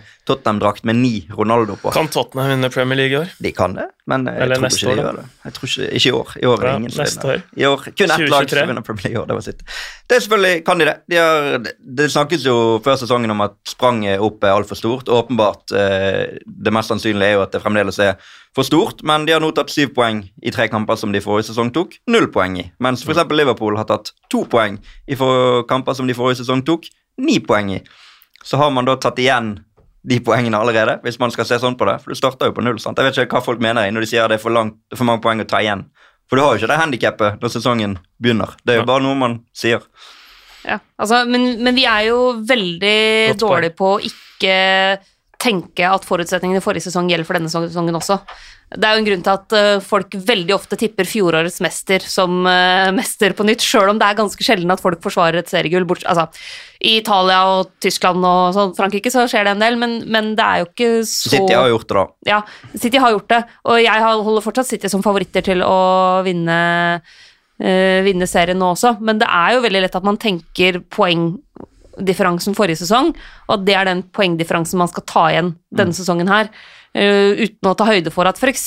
Liverpool får en mye tøffere start på, på sesongen enn det mange av oss hadde, hadde forutsett, uh, selv om vi visste at det var det er skader, og det er eh, flere mister Sadio Mané, ikke sant, som jo nå herjer i Tyskland. Så jeg holder fortsatt City som favoritter. Jeg tror fortsatt Liverpool skal være med i topp fire. Eh, men jeg syns jo både Tottenham og Arsenal eh, at Det er liksom markant framgang, da.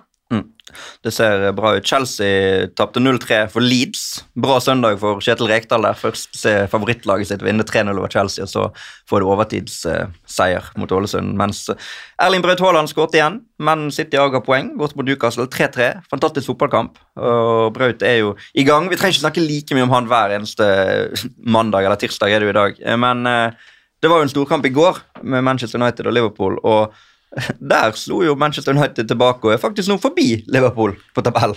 Ja, og så, så fort snur det jo.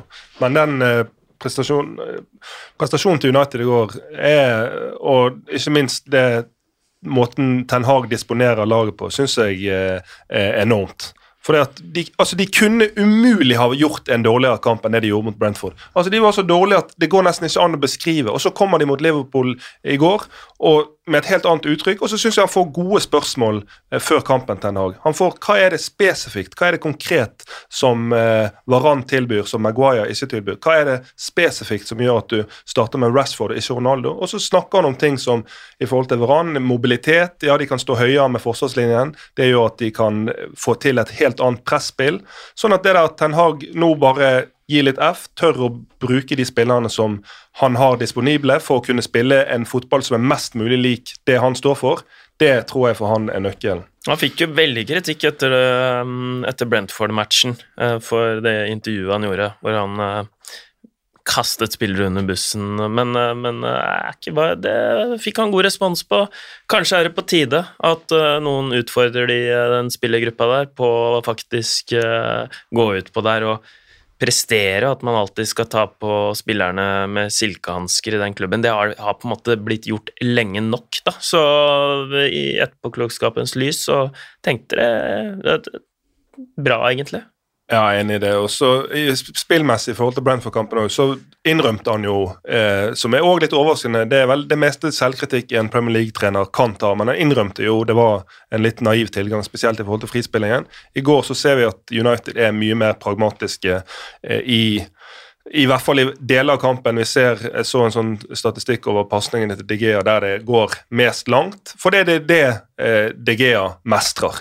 Og så over tid, når eh, Ten Hag får flere overgangsvinduer og mer tid til å sette opp sitt lag, så kan det hende at DGA bør forsvinne ut, fordi han er ikke like god med beina og klar, makter ikke å spille den fotballen som Ten Hag egentlig står for.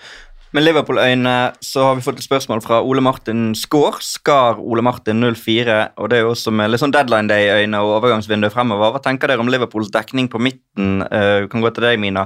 Kan Sander Berge være en billig løsning frem til neste sommervindu for å skape større bredde? Det var jo faktisk noen skriverier forrige uke om at Klopp uh, vurderte nettopp Sander Berge i det midtbaneleddet. Jeg er veldig glad i Sander Berge, men jeg, det ville overraske meg om det er på en måte han som skal inn og redde midtbana til Liverpool. Det steget tror jeg er for stort. Sjøl om han eh, har levert uh, bra i championship nå, så, så tror jeg likevel at uh, det, det, blir ei hylle for langt opp, da. Men det er jo hyggelig at Klopp kikker på Sander Berge, for all del. Og jeg eh, ønsker eh, alt det beste for eh, Sander Berg sin karriere. Jeg syns han er en veldig fin fotballspiller og en fin fyr. Men, men det, ville, det, ville, komme som en overraskelse på meg, for å si det sånn. Han, han får jo ikke nok oppmerksomhet altså, han får jo, Det er jo underkommunisert. Han er jo undervurdert. Mm. Har jo Når vi drev og slo Sverige i landskampen og sånt, så var jo det svenskene, når de evaluerte, var at de, de klarte ikke ta ut Sander Berge. Det var problemet. Så um, han er i hvert fall en uh, meget god fotballspiller, uavhengig av hvor han havner. Ja, det, jeg, jeg, er egentlig enig med begge dere to. Og så er det jo sånn, i og med at det er City som uh, har vunnet, og som uh, inntil videre er det beste laget i Premier League, så blir det ofte sånn at signeringer i de andre toppklubbene sammenlignes med hva er det City har på samme posisjon. Og så Da vil jeg si at det, det er et stykke fra Sander Berge til Rodri, som kanskje er litt tilsvarende spillere der. sånn at, men som en midlertidig løsning jeg vet ikke. Så er det noe med, Kommer Liverpool til å bruke 300 millioner på en midlertidig løsning? De har store skadeproblemer akkurat nå. Men det som i hvert fall er sikkert, er at, eh, det som i hvert fall er sikkert er at eh, James Milner så ut som han var 48 år i går. Så noe må de gjøre. Det blir spennende å se både om Liverpool foretar seg noe, og om Sander Berge forsvinner i løpet av eh, den neste drøye uken. Frem til det. Gleder meg mer og mer etter disse Deadline Day-sendingene neste uke. Det tror jeg blir, tror det kan skje en del. både nasjonalt, som vi har sending på onsdag, og internasjonalt på, på torsdag. Um, vi skal innom et par av um, storklubbene i Europa, som vi pleier å være. og Denne helgen så var det et skremmeskudd fra både Bayern München og Paris Saint-Germain, som begge skåra syv ganger i sine kamper. Bayern vinner 7-0 bort mot Bochum. Sadio Mané 2, Sané, Gnabry, Koman det likt og et selvmål av Christian Gamboa. Skåret et selvmål der, så han var plutselig i aksjon igjen der. Uh, og 15 mål på de første tre kampene. Det er en ny Bundesliga-rekord, og Bayern skal ikke bare vinne Bundesliga i år. Nei, det er jo Champions League de blir målt på. Det, meg og EU var jo der på Allians når de røk mot Villarreal i kvarten, og det var jo helt tydelig at uh, det er Champions League som spesielt Nagelsmann uh, kommer til å bli målt på. sånn at Med en kvartfinale-exit uh, igjen i år, uansett om de vinner Bundesliga med 100 poeng, så kommer han, hans stilling til å være utsatt. og og han kommer til å få massiv kritikk. Så det er jo litt sånn, må jo være litt vanskelig som trener da, å vite at du kan gjøre egentlig Du kan gjøre det så ufattelig bra i serien, men så er det noen enkeltkamper i Champions League som kommer til å avgjøre hele ettermælet og videre gang for dine. Og det samme det gjelder PSG. Mm. Så også skårer syv. Vinner 7-1 bort mot Lill. Det er ikke mer enn uh, halvannet år siden Lill vant uh, ligaen i Men Frankrike. Men visstnok mye gnisninger internt i klubben, da, med liksom Mbappé mot surprise, surprise. Uh, Neymar. Uh, er det plass til så mange superstjerner i en og samme klubb? Det er en sånn det var i hvert fall plass til det nå. Ja, nå det ser, så det veldig bra ut, da, men uh, de rapportene som kommer fra garderoben der uh, via diverse internasjonale medier, er jo at det er, har vært ganske dårlig stemning siste halvåret mellom uh, Neymar og Mbappé. Uh, og det er jo litt sånn hodebry, og hvis det, hvis det blir litt sånn dårlig stemning uh, blant det som egentlig skal være liksom, en av uh, verdens farligste angrepstrioer, så jeg er litt spent på hvordan det der spiller seg ut også. Ja, en sånn Altså, det er jo PS Game of Thrones, så en sånn der All or Nothing fra innsiden der hadde jo vært en block, blockbuster, for det, der tror jeg det er så mye greier som pågår at Ja.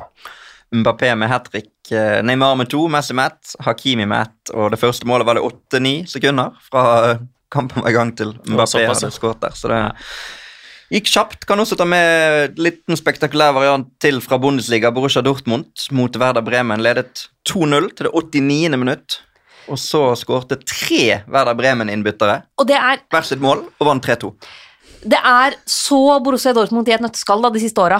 Eh, det er jo at eh, hadde de hatt ei forsvarsrekke som funka, hadde de funka defensivt, så kunne det jo blitt helt enormt. Men jeg syns jeg har sett over tid nå eh, så mye liksom, sånne type ting med et forsvar som Eller ja, ikke klarer å, å gjøre jobben. Mm.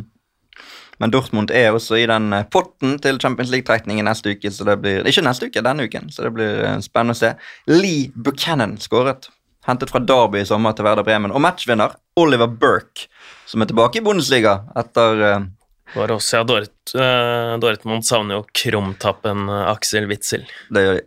Det, han både merkes visuelt og eh, på det sportslige plan når han ikke er der. I Serie A så fikk vi debut for Kristoffer Askildsen for Lecce. Fikk 10 minutter i 0-1-tapet mot Sassuolo, der Christian Thorsvedt også fikk 27 minutter som innbytter. Matchvinner for Sassuolo. EM-stjernen Domenico Berardi. Ja, ja, altså, men det er jo nesten alltid han som er matchvinner for Sassuolo. Men en som ikke endte opp i Lecce, det var Mathias Nordmann. Ja, han satt sendte vi jo dit. Ja, vi gjorde det forrige uke. Vi sa at det er kun marginer som gjenstår, og når dere hører denne podden, så er han klar. Men det ble han ikke. Nei. Så vi tok feil der òg. Ja. Ja, det er trist. Men det betyr også at det kommer til å være spekulasjoner rundt han, og en ny spiller som det blir verdt å følge inn mot eh, deadline day neste uke. Uh, vi begynner å nærme oss slutten, men før vi avslutter, så skal vi også denne uken ta en uh, telefon. Og nå skal det handle om press og psykologi, ja, for uh, vi tar rett og slett bare opp røret, vi, og så ringer vi.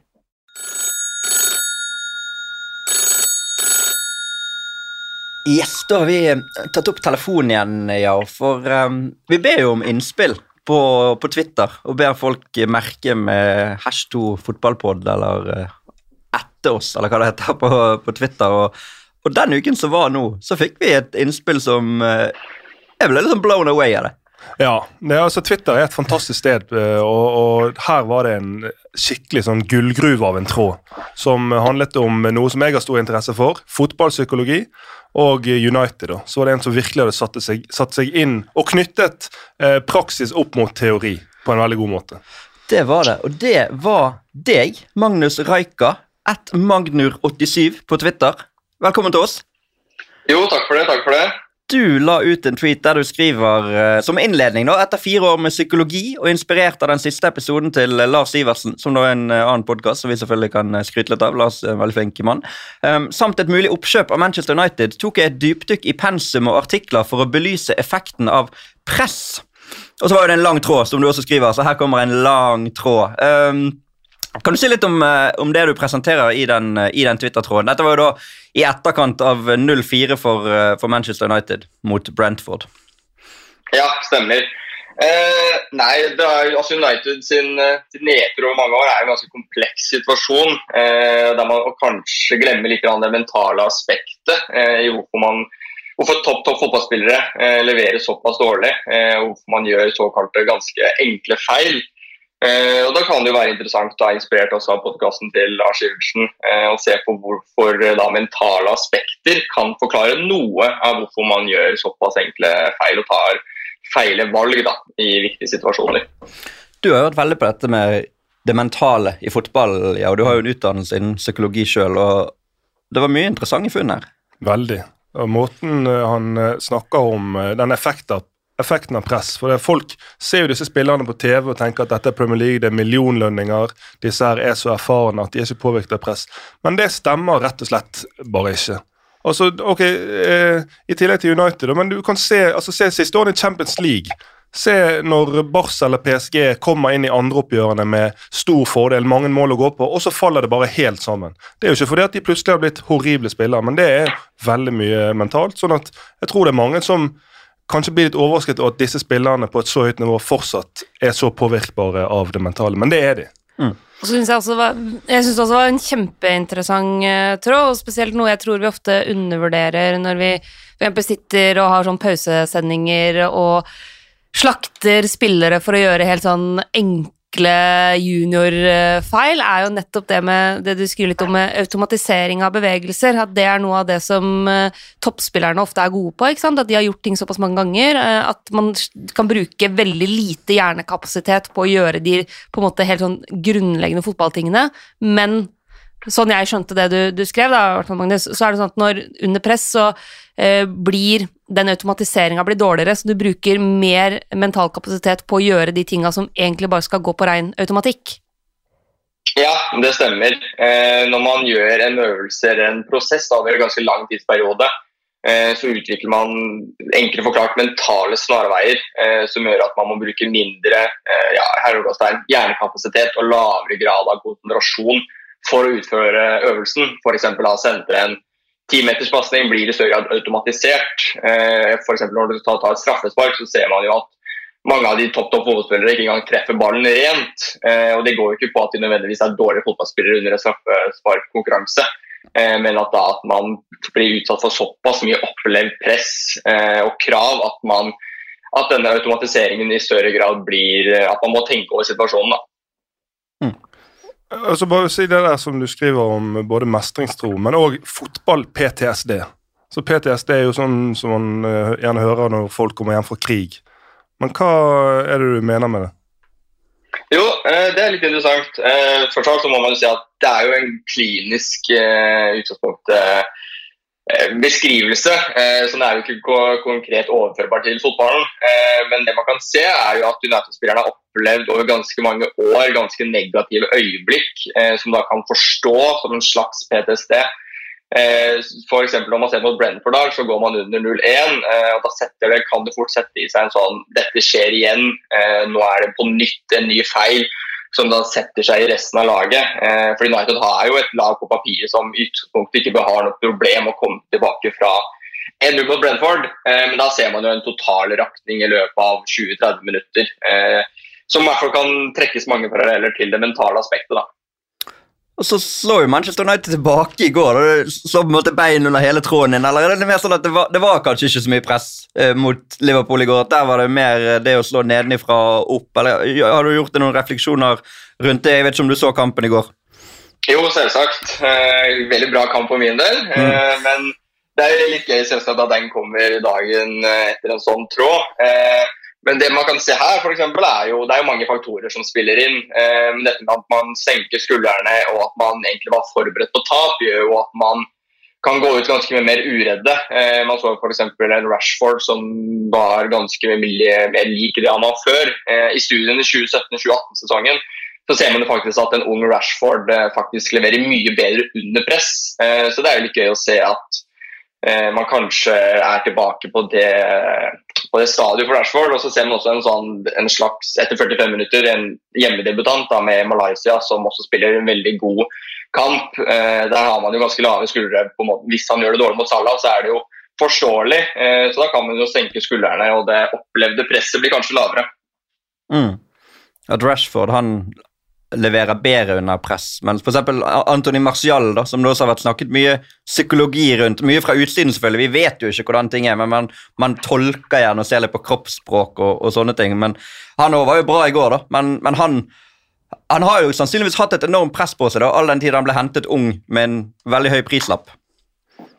Mm, absolutt. Eh, I den studien i 2017-2018-sesongen så ser man jo at spesielt på driblinger eh, så utfører Rashford mye flere vellykkede driblinger under press kontra da eh, Martial som leverer mye flere driblinger eh, når man ikke er presset.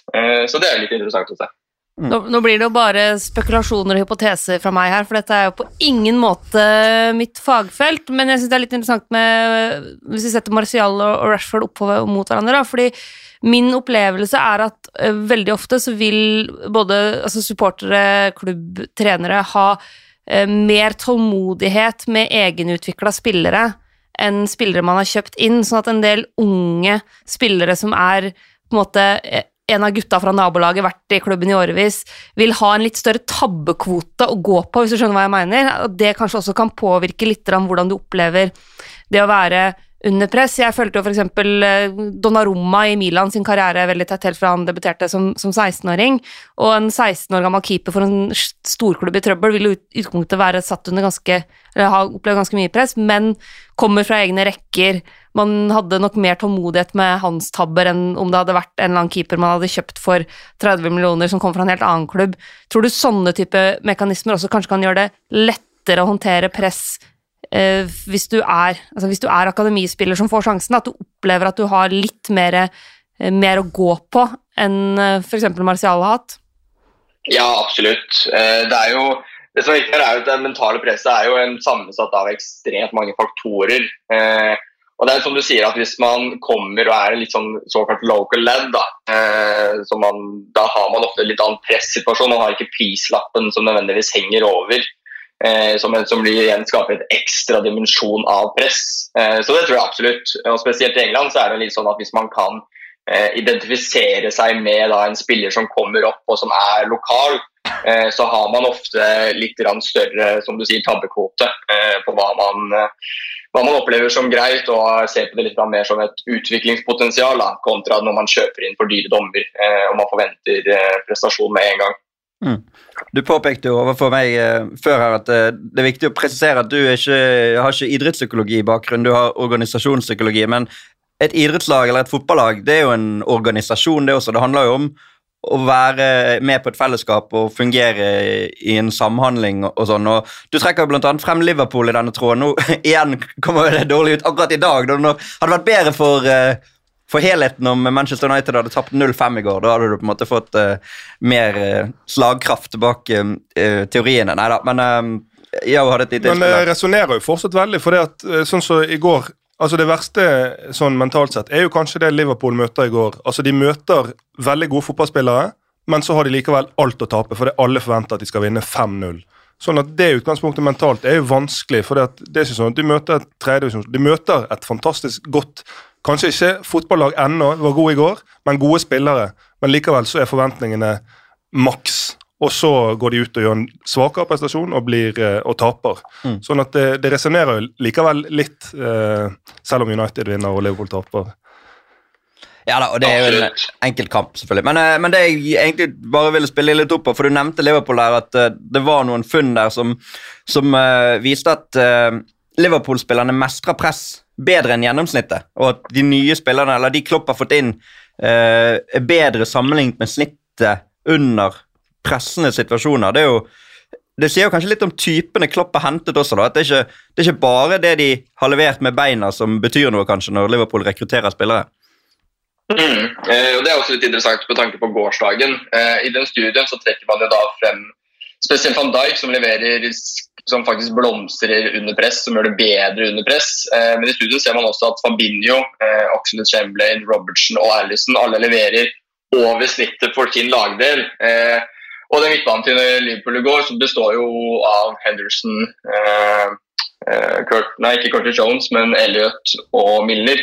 Eh, som ikke er i studion, så det selvsagt kan jo være en forklaring. Eh, men så ser man også at en spiller som Keita, som kom fra en veldig god sesong i Tyskland, eh, ikke har levert som man håpet i Liverpool. og Da, da ser man i studien at han leverer mye dårligere eh, under press enn det resten av eh, de da nyskilte Liverpool-spillerne gjør. Mm. Det er veldig, veldig, interessant, Magnus, og veldig kjekt at du ville dele denne studioen med oss og nevne oss i din tweet. Bare siste der, lite sånn eh, Apropos til deg, Yao, som spilte midtstopper. Press i ulike lagdeler. Hvordan var det for deg når du spilte midtstopper? Følte du på presset når du skulle være med å bygge opp et angrep, eller når, du, når det kom baller i boks? hvordan, er det, er det noe du reflekterer over underveis i, i kamp? Ja. tror det er mer press på de som var foran deg og skulle skåre målene. Nei, jeg tror jo egentlig at det kanskje er størst press på keeperne. Mm. For det at de Det skal sykt mye til for å stjele overskriftene som keeper, eh, mens ikke så mye til på andre siden med å gjøre feil. Med en gang de gjør en litt stor feil, så blir det veldig stort. Men eh, ja, jeg tenker på underveis i kamp sånn hvis, du, hvis, du, hvis det er uavgjort, da, eller du bare leder med ett mål, så påvirker det hvilke risikoer du tar, at du blir litt mer risikoavers enn hvis du ligger under og har ingenting å tape, eller du leder med to-tre mål, så plutselig flyter du helt og det blomstrer helt fordi folk, øh, man slipper skuldrene helt ned og du har mindre å tape. Sånn at, mens for en spiss er jo det her hvis du med tørketid, hvis du går én kamp, to kamper, tre kamper uten å skåre, du kommer til noen sjanser, så kan jeg, har jeg sett veldig ofte at det begynner å feste seg mentalt, og, og, spissen begynner å overtenke nettopp det som han snakker om automatikk. Mm. At det begynner å overtenke bevegelsene, avslutningene, og så klosser det seg bare totalt. Mm. Hva, var, Hva var funnene der, Magnus? Var det mulig å peke på noe der? På sånn posisjonelle Ja. ulikheter? Absolutt. Eh, da, jo, da har man hatt lagdelene til da Juventus, PSG og Chelsea eh, i 17-18-sesongen. Og da ser man jo at eh, forsvarsspillere eh, i større grad gjør det bedre under press. Eh, her ser man, trekker man også ut at Benatia og Bonucci faktisk leverer veldig mye bedre under press. Eh, Studien går jo da på altså gjennomsnittlig kontribusjon per 90 minutter. Eh, og Da ser man at f.eks. Benatia går fra rundt eh, 0,4 eh, på lav press til over 0,7 eh, per 90 under press. Eh, Som er ganske interessant. Eh, mens man ser f.eks. at Morata eh, med gjennomsnittlig kontribusjon på 90 minutter går fra rundt 0,6 helt ned til 0,4. Mens da f.eks. Olivier Giroud eh, går fra 0,4 til nesten 0,8. Eh, så, så Giroud og Benatte er jo da spillere som absolutt blomstrer under press, da, sammenlignet med andre og snittet. Det jeg syns er veldig gøy med den eh, tråden du delte, og de funna du også nevner nå, er jo at jeg syns det den studien viser, stemmer så eksepsjonelt godt overens med det inntrykket jeg har av de spillerne som nevnes, uten at jeg har klart å på en måte kunne sette akkurat ord på hvorfor det er sånn tidligere. Da. For eksempel en mann som Morata, som jeg mener at nesten alltid har vært best når han ikke er førstevalg som spiss.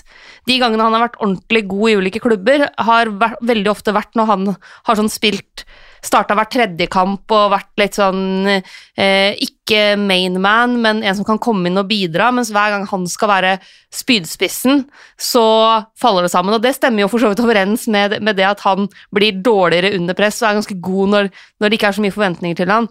Samme med så Nå nevnte du ikke Kelini her, men jeg så det i tråden at, at Kelini bare ikke påvirkes i noe særlig grad av press, og det stemmer også egentlig ganske godt overens med at han er jo en type stopper som nesten aldri faller under terningkast fire. Han ligger nesten alltid på fire eller fem. Han har ikke de sånne eksepsjonelt gode kampene nødvendigvis, han har dem òg, altså, men, men mest hans største styrke, mener jeg, er jo evnen til å aldri være dårligere enn firer på terningen. Og det kan jo kanskje være at han bare gjør greia si helt Han klarer å stenge ute alt uh, rundt, da, og bare gjør sin greie uavhengig av om det er mye press, lave skuldre osv. Ja, det så jo du i EM. Eh, og at han var jo kanskje den spilleren som smiler mest underveis i kamp. Selv i de største oppgjørene så ser det ut som han egentlig bare koser seg. Så det tror jeg du treffer.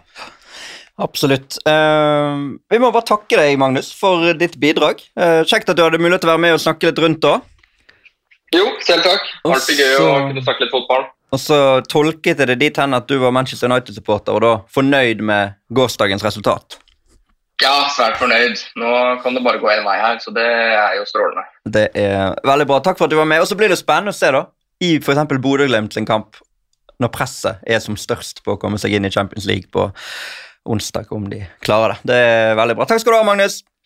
Takk for det. Ha det. Ha det. Det var liksom befriende å høre For, for det første å høre andre stemmer enn oss eh, som alltid snakker, men eh, mye gode refleksjoner. Ja, og så har han vært veldig flink til å For det, teori kan være tørt, men når det knyttes til praktiske eksempler veldig sånn på en måte som alle kan forstå, så tror jeg at det er mange som kunne finne mye glede i, i teori og sånn fotballpsykologi. Så han treffer her. Ja, absolutt det. Du, du lever jo litt for psykologien i fotballen. Det gjør jeg. Det har vært min lidenskap i mange mange år nå. Altså, Ut ifra responser og når jeg ser folk snakke, så tror jeg det er mange som gjør det. Og derfor er jeg i gang fra og med i morgen onsdag med en ny podkast, Fotballhode. Så det Er for de som er interessert Er du interessert i fotball, er det podkasten for deg. Er du interessert i psykologi, er det podkasten for deg. Og er du interessert i fotballpsykologi, så er det definitivt podkasten for deg. Så det gleder jeg meg til å jobbe videre med. Litt sånn selvreklame der. Ja, blir, vi konkurrenter nå, da? eh, eller? Nei da, vi, du nei, er vår er ekspert, så. Ja, hvis folk ja, ja. lytter til deg, skal skal jeg gi det. Skal jeg lytte til uh, Faktisk. Stryk, faktisk. På alle plattformer. Spotify, Ja, det- Apple. Det. Og der er også vi. Kom med tilbakemeldinger til oss der. Rate oss, gi uh, gode vurderinger der. Er dere kritiske, så send det heller på direktemeldinger eller på Nei da, sosiale medier er åpent for alle. Bruk hash 2 fotballpod. Kom med innspill til hva, hva, vi vil, hva dere vil at vi skal snakke om. Det, vi tar jo opp det meste av det Ja, folk ja, kommer og, med. Og jeg synes, sånn som i dag, de spørsmålene som kommer, er det jo eh, sinnssykt bredde på. Og Mm. det er jo nettopp det denne poden er god på, syns jeg. Jeg tenker jo det, at vi, vi lar folk slippe til ordet. Så har dere et spørsmål eller har har dere en refleksjon eller et innspill eller en lang tråd, som Magnus hadde, så kom med det, og så skal vi prøve å sette av tid til så mye som mulig. Takk for, igjen, takk for at du var med igjen, Mina. Jo, det var moro. Takk til deg igjen, Olav. Hjertelig takk for uh, besøket. Fornøyd med tversoverpasningene? Ja, jeg tror jeg traff på en del. Jeg hadde, jeg hadde ikke så mye ball i dag, ballbesittelse, men jeg er fornøyd med hvordan jeg håndterte ballen når jeg hadde den. Jeg Vet ikke om vi har kommet med noen påstander i dag som vi må beklage neste uke. Det vil jo vise seg. Ja, det har vi eh, helt sikkert. Det har vi helt sikkert. Men det er mye som skal skje før den tid, og vi krysser selvfølgelig fingrene med norske øyne for Bodø-Glimt, og at vi kan sitte her neste uke og snakke om et, en Champions League-trekning der Glimt har fått Barcelona og Manchester City. Det hadde vært deilig. Ja, det, da skal jeg, det er useriøst. Da skal jeg spille på styrkene mine, i så fall. takk for at du er med, ja. Og så takk, takk, til moderne Media som um, har denne uh, fasilitatorrollen overfor oss. Og takk til dere som hører på. Ha det bra!